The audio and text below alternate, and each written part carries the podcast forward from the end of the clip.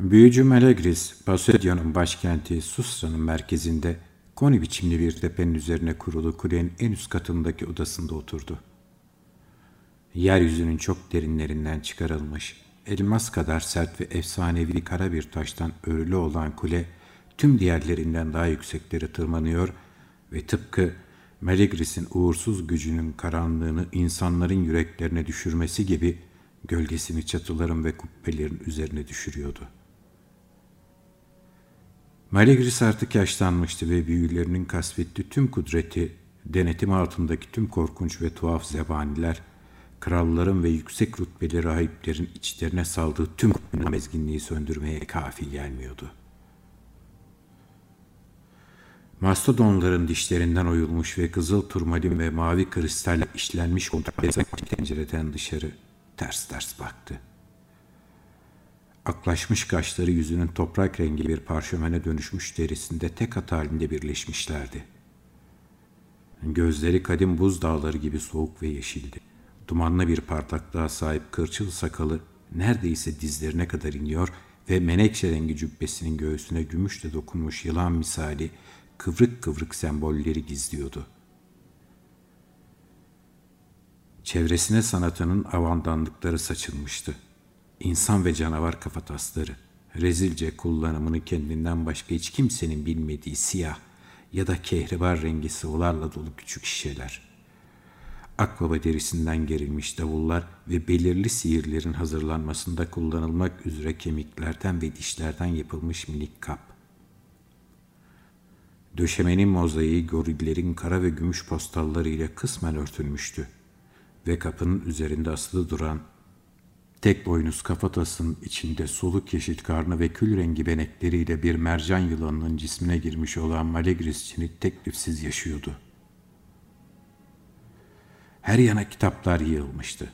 Atlantis'in korkunç bilgilerini, yeryüzünün ve ayın iblislerine hükmeden pentagramları, elementleri değiştiren ya da yok eden sihirleri, yitik bir hiperborea dilinden kalma ve yüksek sesle telaffuz edildiklerinde zehirden daha da öldürücü, aşk iksirlerinden daha etkili tılsımlı harfler barındıran yılan derisi ciltler ve paslı menteşeleriyle kadim nüssalar. Ama bütün bunlar ve temsil ettikleri kudret insanların en büyük korkularını ve rakip büyücülerin hasetini kabartsa da Malegris'in düşünceleri dinmek bilmez bir hüzünle kapkaraydı ve bitkinlik yüreğini büyük bir ateşten arta kalan küller gibi doldurmuştu.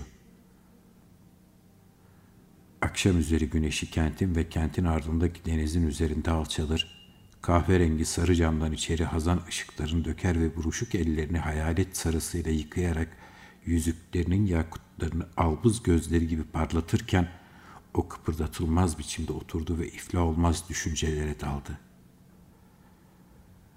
Ama düşüncelerinde ne ışık vardı ne de ateş. O anın kasvetiyle çok yakında çökeceğe benzeyen karanlıktan öte yana dönerek yitirdiği güneşini el yordamıyla bulmaya boş yere çabalayan kör bir adam gibi daldı anılarının gölgesine.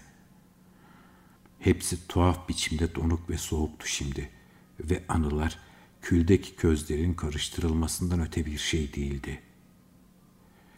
Melegris gençlik yıllarını, ışıltısından hiçbir şey yitirmeyen bir anısının yabancı bir yıldız gibi yanmaya devam ettiği o sisli, uzak, müthiş yılları yakalamaya çalıştı.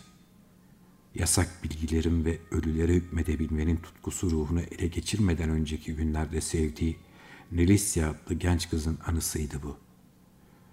Gizemli olaylar ve güçlerle, doğaüstü zafer ve tehlikelerle böylesine dop dolu, böylesine tuhaf çeşitliğe sahip bir yaşantının çok sayıdaki meşgalesi arasında kızı onlarca yıldır neredeyse büsbütün unutmuştu. Ama şimdi, henüz çok genç, çok zayıf ve masum olduğu günlerde onu öylesine içten bir aşkla sevmiş ve tam düğünlerinin arefesinde gizemli bir hastalıktan ansızın ölmüş olan bu zarif ve suçsuz çocuğun düşüncesi bile mumyalanmış yanaklarına bir allığın hayaletini getiriyor ve buz gibi göz kürelerinin derinlerinde cehaze mumların ışıltısına benzer bir şeyler yanıyordu. Gençliğin geri gelmez güneşleri yükseldiler düşlerinde. Ve Mersin ağaçlarının gölgelediği Mus Vadisi'ni ve Nilisya ile birlikte her daim yeşil kayalarında akşam üzerleri yürüdükleri Zamender çayını, yaz yıldızlarının akşam göklerinde doğuşunu ve sevgilisinin gözlerini bir kez daha gördü. Şimdi yüksek sesle düşünmekte olan Melegris tek boynuz kafasının içinde yaşayan iblis yılana hitaben tek düze sesiyle konuştu. Yılan, dedi. Benimle birlikte yaşamak ve tek boynuzunun kellesinde ikamet etmek üzere buraya gelmenden önce ormandaki orkideler kadar güzel ve nazlı bir kızı sevdim. Ve o ormandaki orkideler gibi ölüp gitti. Yılan, ben yasak hükümlerin, tüm okült bilgilerin toplandığı ve yeryüzünün ve denizin ve gökyüzünün cinlerini emreden ve güneşteki ve aydaki iblislere yaşayanlara ve ölülere hükmeden Malagris değil miyim? Eğer öyle dilersem, Nilesya adlı kızı tüm gençliği ve güzelliği içinde çağıramaz ve mezarın kıpırtısız gölgelerinden getiremez ve güzelliği solucanların aç öpücüklerine hiç maruz kalmamışçasına saramaz mıyım onu kollarımda? Saramaz mıyım şu odada, göz güneşin ölmekte olan ışığında? Evet Yüce Efendim, diye yanıt verdi yılan alçak ama insan için işleyen bir tıslamayla. Sen Malagris'sin ve büyünün en büyük gücü sendedir. Ölüleri hükmeden sensin. Tüm pentagramlar ve sihirler senin dağarcığındadır. Eğer öyle dilersen Elisya adlı kızı ölülerin arasındaki yerinden getirmen ve güzelliği aç solucanların öpücüğünü hiç tatmamışçasına onu sarman mümkündür. Yılan, onu böyle çağırmam doğru mudur? Uygun mudur? Yitirilecek bir şey, pişman olunacak bir şey yok mu? Yılan duraksar gibi oldu. Sonra daha yavaş ve ölçülü bir tıslamayla Melegris için dilediğini yapmak münasiptir. Bir şeyin iyi ya da kötü olup olmadığına Melegris'ten başka kim karar verebilir? dedi. Bir başka deyişle bana bir tavsiyen olmayacak galiba. Bu cümle bir sorudan ziyade bir beyan gibiydi ve yılan başka bir söz dile getirmedi. Büyücü çenesini ellerine dayayarak bir süre somurttu abonoz raflardan, altın ya da pirinç ya da elektrum kilitleri olan sandıklardan büyüsü için gerekli çeşitli gereçleri topladı. Zorunlu çemberleri çizdi döşemenin üzerine ve en içtekin ortasında durarak öngörülen tütsüyü içeren buhardını tutuşturdu ve ölüleri geyir çağırmakta kullanılan mor ve turuncu mistik heceleri keçi derisinden yapılmış dar bir parşömen rolosundan yüksek sesle okumaya başladı.'' Tütsüleri mavi, beyaz ve menekşe rengi dumanları kalın halkalar halinde yükseldi. Yer değiştirerek ve iç içe geçerek odayı doldurdu. Öyle ki gün ışığı kaybolmuş öğü yerini lehteden yükselen ayların gibi soluk bir ışıltı almıştı. Ölüler büyücüsü hiç de doğal olmayan bir yavaşlık ve insan ötesi bir ciddiyetle, tek düze bir ton ve yüksek bir sesle Parşömen rulosu tükenince ve son yankılarda zayıflayıp boş mezarlardan gelen titreşimler gibi dininceye dek okumaya devam etti. Sonra renkli buharlar sanki bir perde çekilmişçesine dağıldılar. Ama soluk ve doğaüstü ışıltı hala oradaydı ve büyücüyle kapının üzerinde asılı duran tek boynuz kafasının arasında Nelisya'nın görüntüsü yetik yıllarda durduğu gibi rüzgardaki filiz misali biraz eğilerek ve gençliğin içtenliğiyle gülümseyerek belirmişti. Basit giysiler giymiş halde siyah saçlarına taktığı lale tomurcuklarıyla ilkbahar göklerinin yeni doğmuş maviliğindeki gözleriyle tam Melegris'in anılarındaki gibi narin ve solgundu ve büyücünün miskin kalbi ona baktığında eski bir ateşle yeniden canlandı. ''Sen Nilisya mısın?'' diye sordu.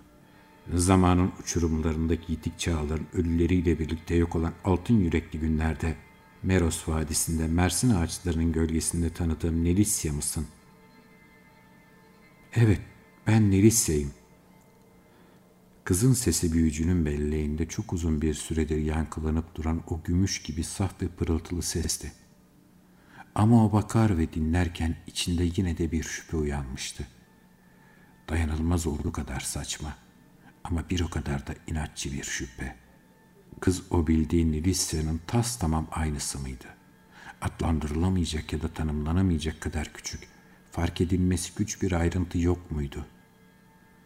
Zaman ve mezar bir şeyleri, büyüsünün geri getiremediği isimsiz bir şeyleri, beraberlerinde alıp götürmemişler miydi? Gözleri eskisi kadar şefkatli, siyah saçları eskisi kadar parlak, vücudu eskisi kadar narin ve ince miydi? Emin olamıyordu ve giderek büyüyen şüphe yerini kurşun gibi ağır bir yeise yüreğindeki ateşi küle çeviren yavuz bir bedbinliğe bıraktı.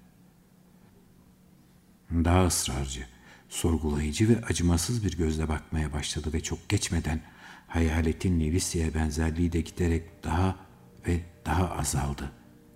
Dudakları ve alnı daha az güzel hale geldi. Vücudun hatları daha az yuvarlak oldu. Narin bedeni sıskalaşmış, uzun saçları sıradan bir siyaha, boynu sıradan bir solukluğa bürünmüştü. Büyücünün ruhu yine yaşlılığıyla, yeğsiyle ve yeni filizlenen umudun ölümüyle bulandı. Aşka, gençliğe ya da güzelliğe inanmıyordu artık ve bunların anaları bile belki var, belki de yokmuşçasına su götürür birer görüntü haline düşmüşlerdi. Gölge, kasvet ve tozdan başka bir şey kalmamıştı geriye. Karanlıktan ve soğuktan, dayanılmaz bir bitkinlikte onulmaz bir elemden başka hiçbir şey. Çağrılmış bir hayaleti geri savan sihirli heceleri az önceki sesinin gölgesi gibi ince ve titrek bir sesle mırıldandı. Nelisya'nın sureti havadaki duman gibi dağıldı ve onu saran ay ışığı yerini güneşin son aydınlığına bıraktı. Büyücü yılana döndü ve hüzünlü bir sistemle konuştu. Benim için uyarmadın. Uyarmamın bir yararı olur muydu? Bütün bilgiler sendedir. Balakris bir tek bunun dışında ve öğrenmenin tek yolu da buydu.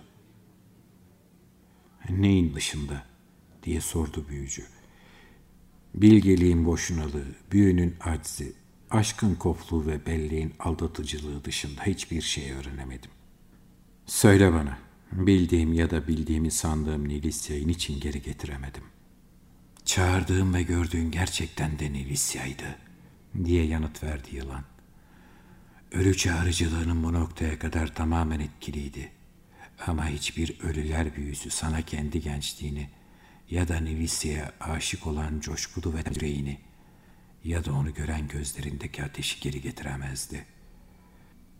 İşte yüce efendim, buydu öğrenmen gereken şey.''